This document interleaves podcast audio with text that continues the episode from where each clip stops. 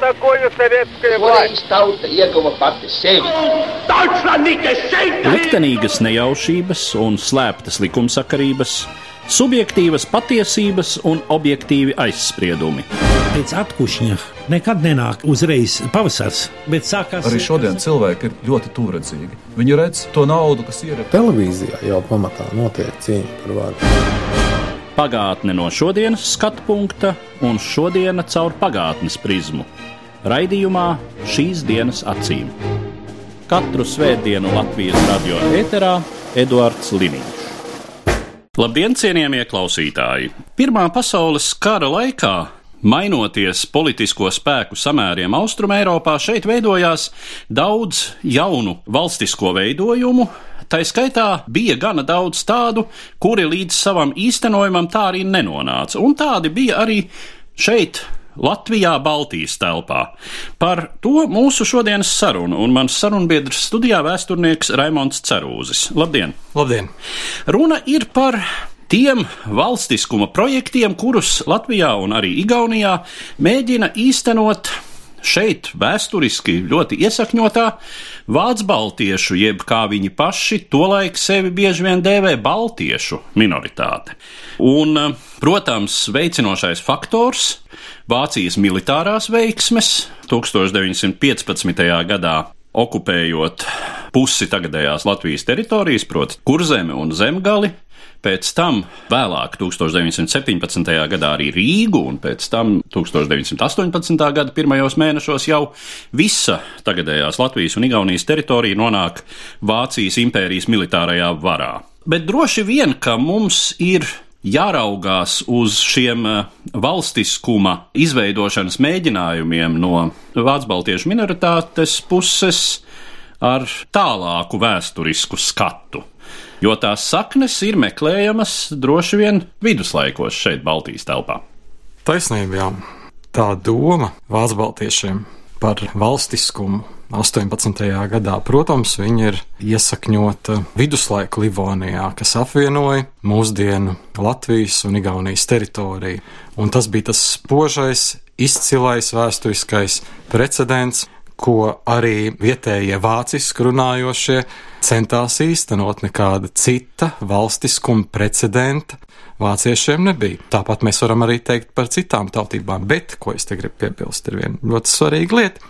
Vai mēs vispār varam runāt par vāciešiem kā minoritāti 18. un 19. gadā? Viņi jau patiesībā sevi par mazākumu vai par minoritāti neuzskatīja. Viņi sev uzskatīja par sabiedrības vadošo slāni par to sabiedrības slāni, kam pirmām kārtām ir tiesības lemt teritorijas likteni. Un atkal mēs nevaram teikt, ka tie ir tikai un vienīgi pēc izcelsmes vācieši. Tā ir arī viena vēsturiska problēma, ko parasti mēs tā neakcentējam, vai neatceramies, vai nezinām arī runājot par šī laika norisēm, jo daudziem vācu baltiešiem patiesībā ir vietējo tautību saknes. Ļoti daudziem. Mēs varam nosaukt von Līvenus, von Rozenus, Tīzenhausenus, Patkulus, Ungarns Sternbergus. Patiesībā viņi savus ciltskokus sāk no senām vietējo tautību ciltīm vai pārstāvjiem. Nu, tas klasiskākais, ko parasti piemin, ir līveni, kur savu ciltskoku sāk no seno lībiešu virsaišu kalpo. Tā kā tas vāciskums šeit ir drīzāk tāda lingvistiska izpausme, ne tik daudz nacionāla, drīzāk kā apzīmējums sabiedrības slānim, nevis kā apzīmējums tautībai. Un te jau vēl jāpiemina arī tas, ka šeit atkal jau kā mēs rupīgi to dēvējam vācu kopienā, iekļaujas citu Eiropas nāciju piederīgie. Nu, atcerēsimies kaut vai nu, jau leģendāro Rīgas pilsētas galvu Džordžu Armistedu. Jā, tas ir vēl viens tāds piemērs, kur mēs varam redzēt, ka par vācieti arī sevi uzskatīja cilvēks, kura izcelsme noteikti nav tikai un vienīgi vāciski.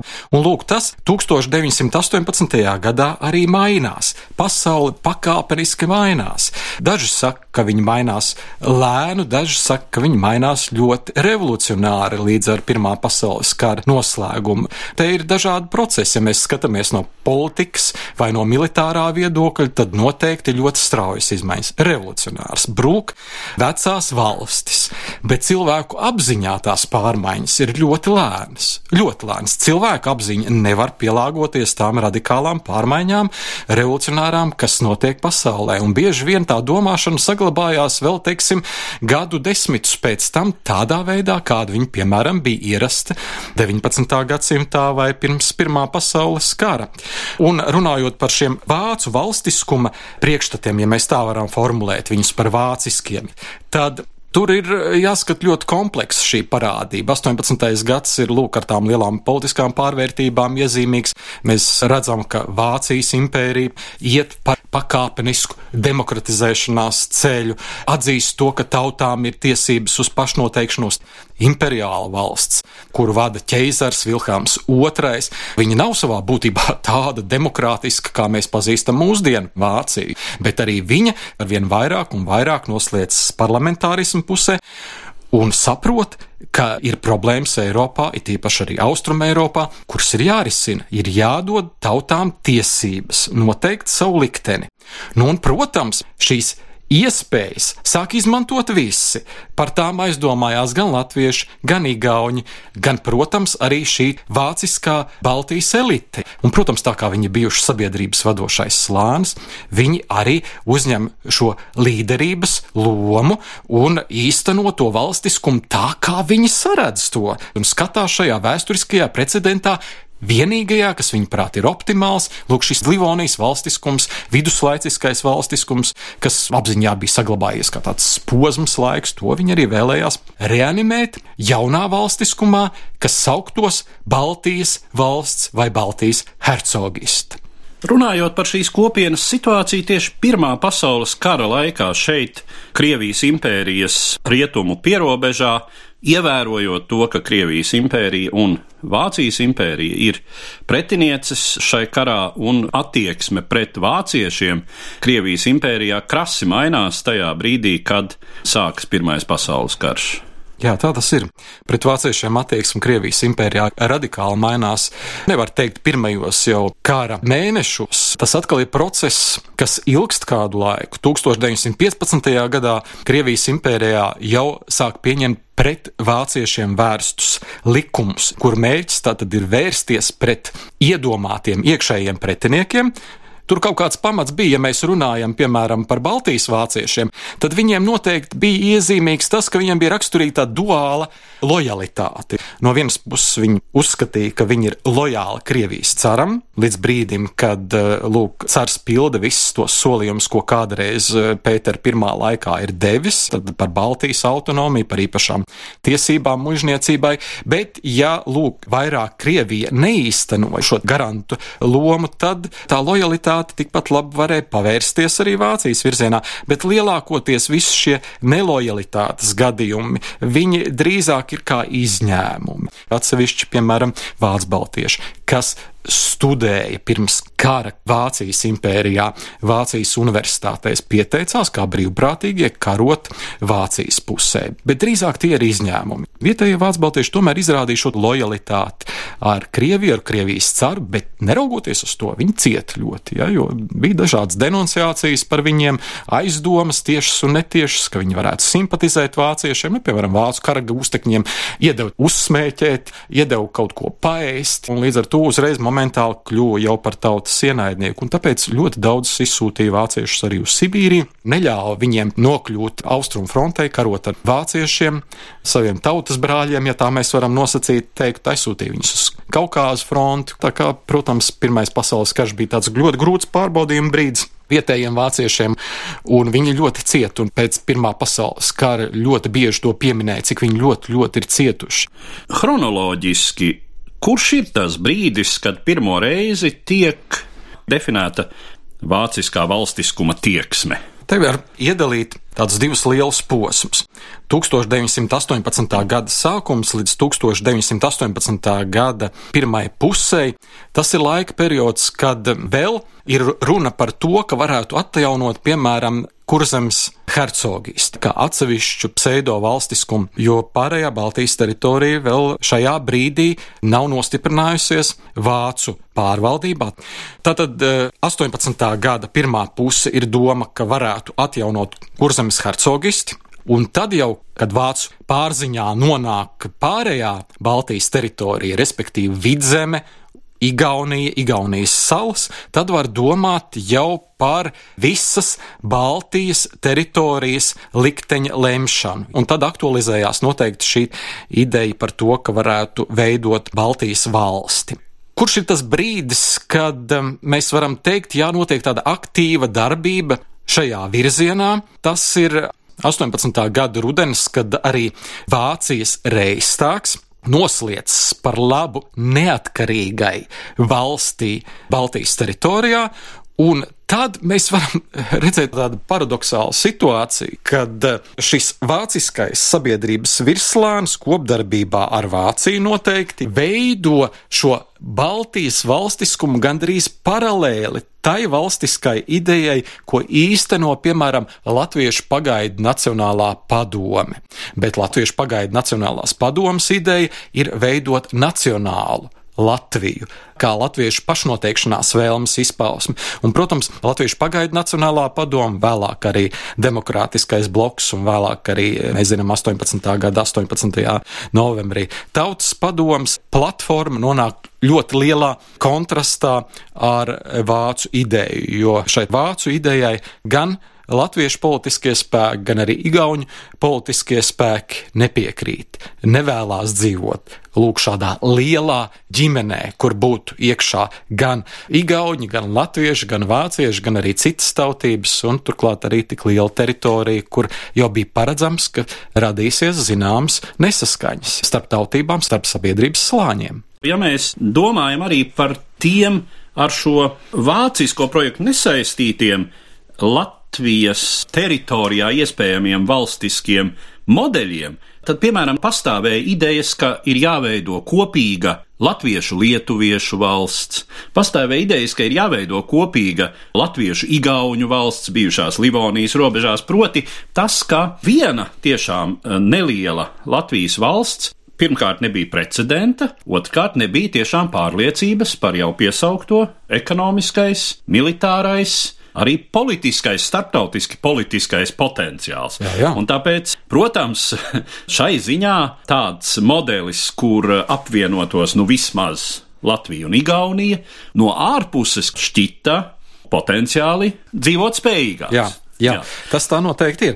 Līdz zināmam brīdim, kad um, nodibinās Latvijas republika, arī mēs varam just, ka Rietumē Eiropā ir diezgan liels simpātijas pret šo vācu iecerēto valstiskumu modeli. Vāciešiem bija daudzkārt plašāki kontakti starptautiskie, viņi daudz plašāk spēja popularizēt šo savu ideju. Protams, 18. gads un arī 19. ir iezīmīgs ar to, ka pasaulē un Eiropā uzvar ideja, ka katrai tautai ir tiesības uz pašnoteikšanos. Un saskaņā ar šo vispārējo domu šī vācu ideja vairāk nešķita pasaulē pilnīgi pārliecinoša. Ja ir tautas, lūk, latvieši, igauņi, kas iebilst pret šādu dzīvošanu lielā ģimenē, tad to ir jāņem vērā.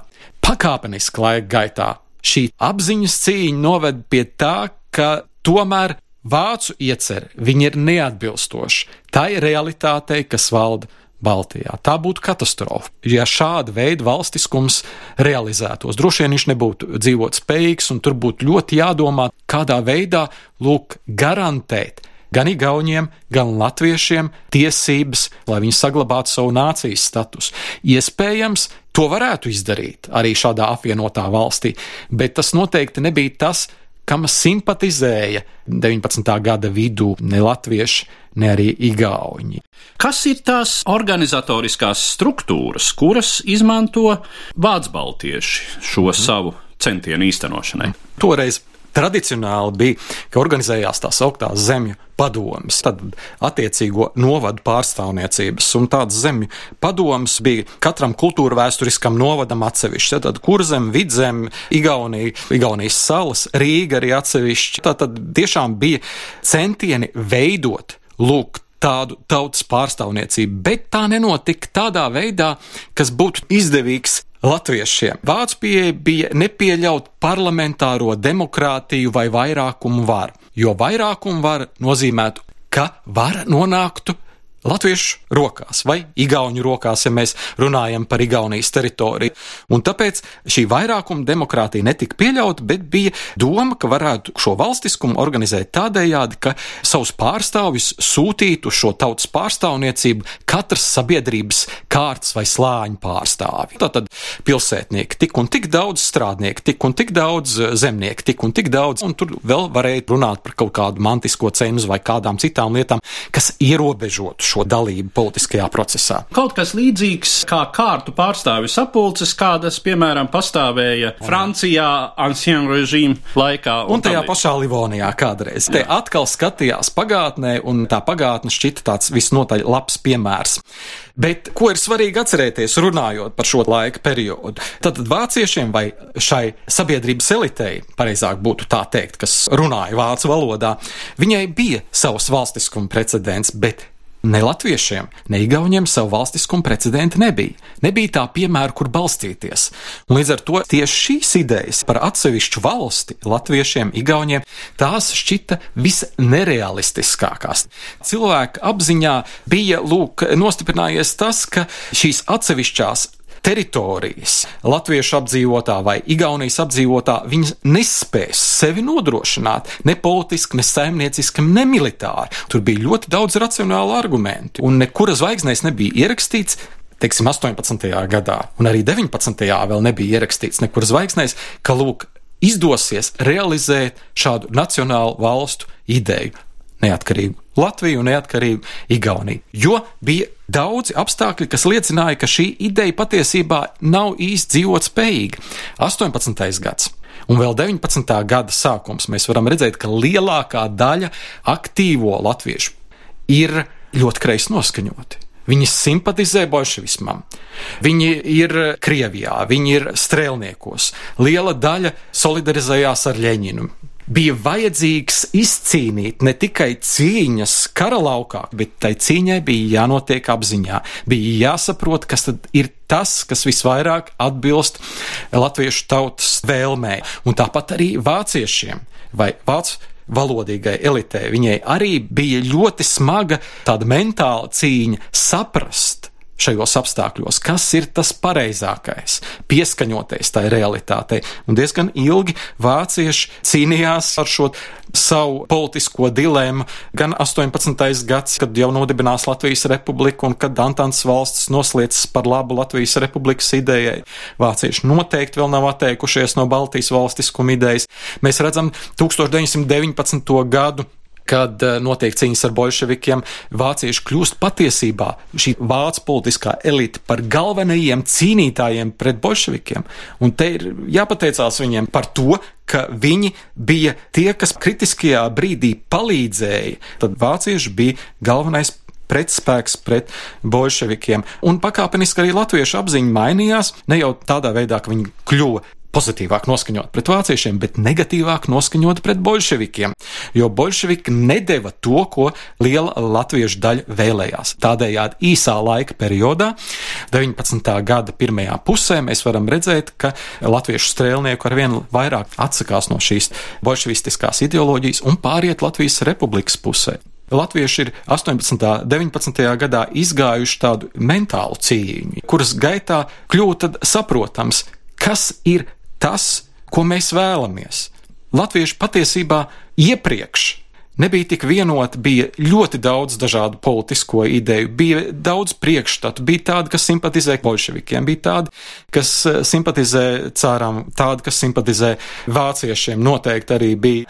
Un tikai, lūk, 19. gada gaitā mēs varam redzēt, ka konsolidējās šī politiskā doma. Šajā ziņā mēs varam teikt, ka Vācu baltiešu politiskā doma Noslēdzoties Pirmajam pasaules karam, tā ir izteiktāk definēta nekā latviešiem.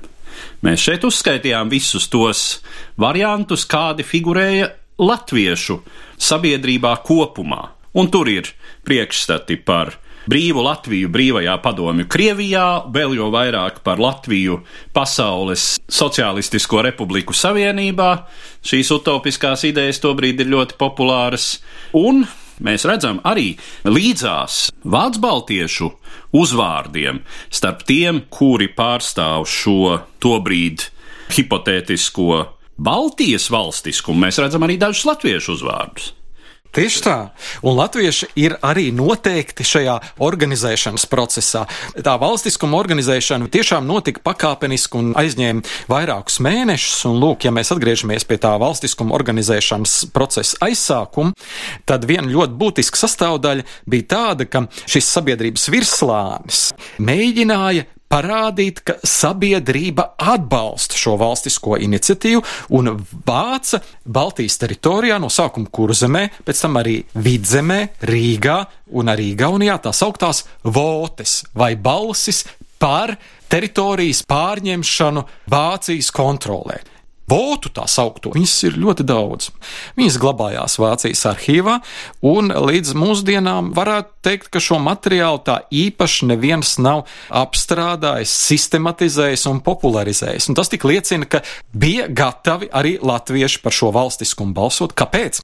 Tāpēc, ka domāju droši vien, ka beidzot iestāsies miers, kārtība un noregulēsies šī gadiem ilgusie kara situācija, šī nenoteiktība, šīs jukas, un labāk lai kāds tas būtu, bet miers un vienreiz kārtība un likumība. Ir dokumenti, kas tiešām liecina, ka latvieši ir balsojuši, ir balsojuši strādnieki, zemnieki, dažādu sabiedrības slāņu pārstāvi par šo valstisko iniciatīvu. Nu, un, protams, tad nākamā pakāpe, jau kad organizējās šī zemi padomas, tur parādījās arī sabiedrībā pazīstami cilvēki, arī latvieši. Bez tiem nevarēja iztikt.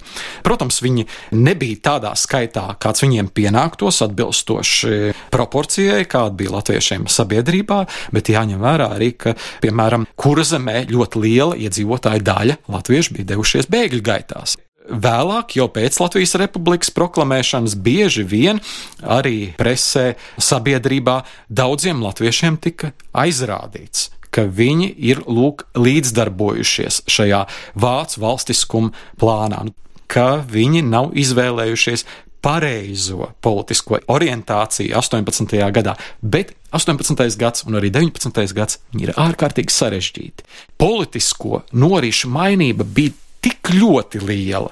Varas tik ļoti mainījās, tik daudz karaspēku gāja pāri Latvijas pilsētām, Latvijas ciemiemiem un viensētām, ka parasts tā laika iedzīvotājs, latvietis un arī varbūt vācietis un citu tautību pārstāvis, viņš nevarēja norientēties, Kas notiek? Kas būs? Kam simpatizēt? Tas nebija vienkārši iespējams. Un tas, ka nodibinājās Latvijas republika, tas ir daudzu dažādu ļoti izdevīgu apstākļu kopums, kas to nodrošināja. Tikpat labi kaut kādos apstākļos arī varēja būt tā, ka šī attīstība ir savādāka. 5. novembris ir tas datums, kad tiek proklamēta apvienotā Baltijas hercogvalsts, kurai vajadzētu apvienot bijušās Livonijas zemes. Tiek pat piedāvāts potenciālajam troņa kandidātam hercoga tronis. Meklenburgas hercogs, jā. Jā, Meklenburgas hercogam Adolfam Friedriham. Un kamēr tā sacīt, potenciālais varas nesējs nav teicis jāvārdu un ieradies saņemt regālijas, tikmēr tiek izveidota tāda reģentu padome. 28. novembris 1918. gadā ir datums, kad reģentu padome beidz savu pastāvēšanu. Mm. Nu, līdz ar to šis iespējamais apvienotās Baltijas hercogu valsts projekts arī ir beidzies. Jā, nu tie ir tādi formāli datumi. Patiesībā jau mēs varam teikt, ka līdz ar 1918. gada 11. novembri kļūst skaidrs, ka ļoti grūti vāciešiem būs īstenot šo ideju. Problēma bija tāda, ka šīs divas sabiedrības daļas, ja mēs runājam par vācu valodīgo eliti un par latviešu politiskiem spēkiem, viņas dzīvoja katra nošķirtā telpā, kā mēs mūsdienās teiktu, informatīvā telpā, un īsti viena par otru neinteresējās. Tie vācieši, kas organizēja Baltijas valstiskumu, tomēr bija ļoti šaura aktīvistu kopa, kas ļoti entuziastiski ar šo lietu nodarbojās, bet viņi bija ļoti tuvi draugi. Piemēram, Baltijas reģentu padomas vadītājs bija Adolfs Pilārs Pilhaus. Vidzemes bruņniecības landmaršals, respektīvi pirmais vai vadonis visai mužniecībai. Viņš savā apkārtnē savāca cilvēkus, kas bija viņam ļoti tuvi. Vai nu tuvi radinieki, vai nu studiju biedri. Un viens no tādiem bija, piemēram, Heinrichs von Strīks. Cilvēks, kas nodarbojās ar Baltijas valsts ārpolitikas jautājumiem. Un 19. gada sākumā Latvijas vēsturē ir iegājis tāds notikums kā strīka afēra. 19. gada janvāris, kad vācieši organizē apvērsumu plānu attiecībā pret eh, Kāļu Ulmaņu pagaidu valdību. Tad, lūk, šis strīks bija šī apvērsuma viens no organizētājiem. Ļoti tuvi draugi studiju biedri sastāvēja vienā studentu organizācijā no Tārbatas universitātes studiju laikiem, korporācijā Livonija. Ļoti kaislīgi autobraucēji pirms Pirmā pasaules kara. Šo autobraucēju lokā, starp citu, var ieskaitīt arī vēl veselu virkni redzam vācu baltiešu sabiedrisku politisku darbinieku Tranzē Rozeniks, piemēram, viens šāds cilvēks, kas par 1905. gada revolūciju sarakstīja ļoti kritisku grāmatu, pasludinot, ka visi latvieši ir kreisi revolucionāri, un līdz ar to radās šis jēdziens latviešu revolūcija. Tā tad tāda šaura kopa cilvēki, kas ilgstoši bija piedalījušies Baltijas pārvaldes procesā, un tie tad uzņemās šo iniciatīvu, neņemot vērā to, kas notiek citur sabiedrībā, kas notiek latviešu aprindās, tajā pašā Latviešu pagaidu nacionālā padomē, Latviešu bēgļu organizācijās, Latviešu politiskajās kustībās, kas pēc 1917. gada februāra revolūcijas ļoti strauji attīstās. Un savukārt latvieši neņem vērā īsti to, kas notiek vācu aprindās. Tās konsekvences mēs pēc tam redzam 1919. gada notikumos, apvērsums Liepājā, Niedras kabineta izveidošanās, kam mēs veltīsim noteikti atsevišķas sarunas mūsu raidījumā. Tas ir šī procesa turpinājums un Vācu Baltijas valstiskuma pēdējais mēģinājums un līdz ar to arī fiasko. Jautājums ir par to, vai šīs idejas neatkarības kara rezultātā zuda pilnībā? Pakāpeniski šīs idejas zuda. 30. gadu beigās mēs varam konstatēt to, ka vācu minoritāte jau ir krietni lojāla Latvijas republikai. Plaši pazīstams ir fakts, ka 1939. gadā vāciešiem izceļojot no Latvijas Molotov-Ribbentrop pakta seku rezultātā, kāpjot uz kuģiem, vācieši dziedāja Latvijas himnu Dievs svētī Latviju. Tad, tad pameta lielākā daļa vāciešu Latvijas teritoriju ar ļoti lielām sāpēm. Bet vai šīs idejas par sev tīkamāku valstiskumu zuda pavisam? Es teiktu, ka droši vien, ka nē. To mēs varam redzēt, piemēram, 1930. gados pat Kāļu Ulmaņa režīma laikā, kad demokrātija bija ierobežota, piemēram, Vācu baltiešu aprindās ļoti lielu popularitāti iemantoja nelegāla nacionālsocialistiska kustība, kas simpatizēja Adolfam Hitleram un nacionālsocialistiskai Vācijai. Ulmans šo nelegālo nacistu kustību mēģināja apkarot, bet uh, tas neizdevās, un šī kustība, šie uzskati ar vien plašāku ietekmi iemantoja Vācu aprindās. It tīpaši jaunajā paudzē, kas nebija piedzīvojusi tādā apzinīgā vecumā Pirmo pasaules kāru. Un nacionālsociālisms, protams, kā tāds savā maksimālajā plānā paredzēja arī Baltijas teritorijas pakļaušanu. Te mēs varam spekulēt, ko vēlējās panākt Baltijas teritorijā, bet iespējams atkal tas ir kaut kas līdzīgs Baltijas valstī. Atkal kaut kas līdzīgs tam vēsturiskam precedentam. Tā kā pilnīgi tā ideja nezuda. Viņa pakāpeniski mazinājās, bet kaut kur vācu domāšanā viņai vēl bija diezgan paliekoša vieta. Ja mēs, piemēram, palasam vācu baltiešu literātus, ir eh, arī viens interesants darbs, kas ir latviešu tulkots Zigfrīda von Feigezaka darbs Baltiešu gredzens. Romāns vairākās daļās, tad te ir stāstīta kādas Vācu baltiešu dzimtas vēsture. Un interesanti, ka šis stāsts ir līdz pat starpkara periodam, bet lūk, šis fakts par Latvijas republikas proklamēšanu vai Latvijas valsts izveidi it kā paslīd vāciešiem garām. Tas ir viens no nedaudzajiem notikumiem, tikai ļoti daudz notikumu ķēdītē un patiesībā nepārāk būtisks vāciešiem, jo viņa lielākā sāpe ir tā, ka viņi 39. gadā vispār pamet Latvijas teritoriju un ir spiest par Baltiju, par Latviju, par Igauniju aizmirst. Viss ir zaudēts, Baltijā atstātais zaudēts, ir zaudēts tas, kas ir Lielvācijas teritorijā iegūts. Tātad Baltijas vācieši noteikti ir cietuši vairāk kārti, un tiešām tas viņu liktenis ir dramatisks. Te nu mēs esam to spiest atzīt. Ar to mēs arī noslēgsim šodienas sarunu, kas bija veltīta Baltijas vāciešu valstiskuma projektiem Pirmā pasaules kara izskaņā šeit, Latvijā, un es saku paldies manam sarunbiedram, vēsturniekam Raimondam Cerūzim. Katru svētdienu Latvijas radio viens par pagātni sarunājas Eduards Liniņš.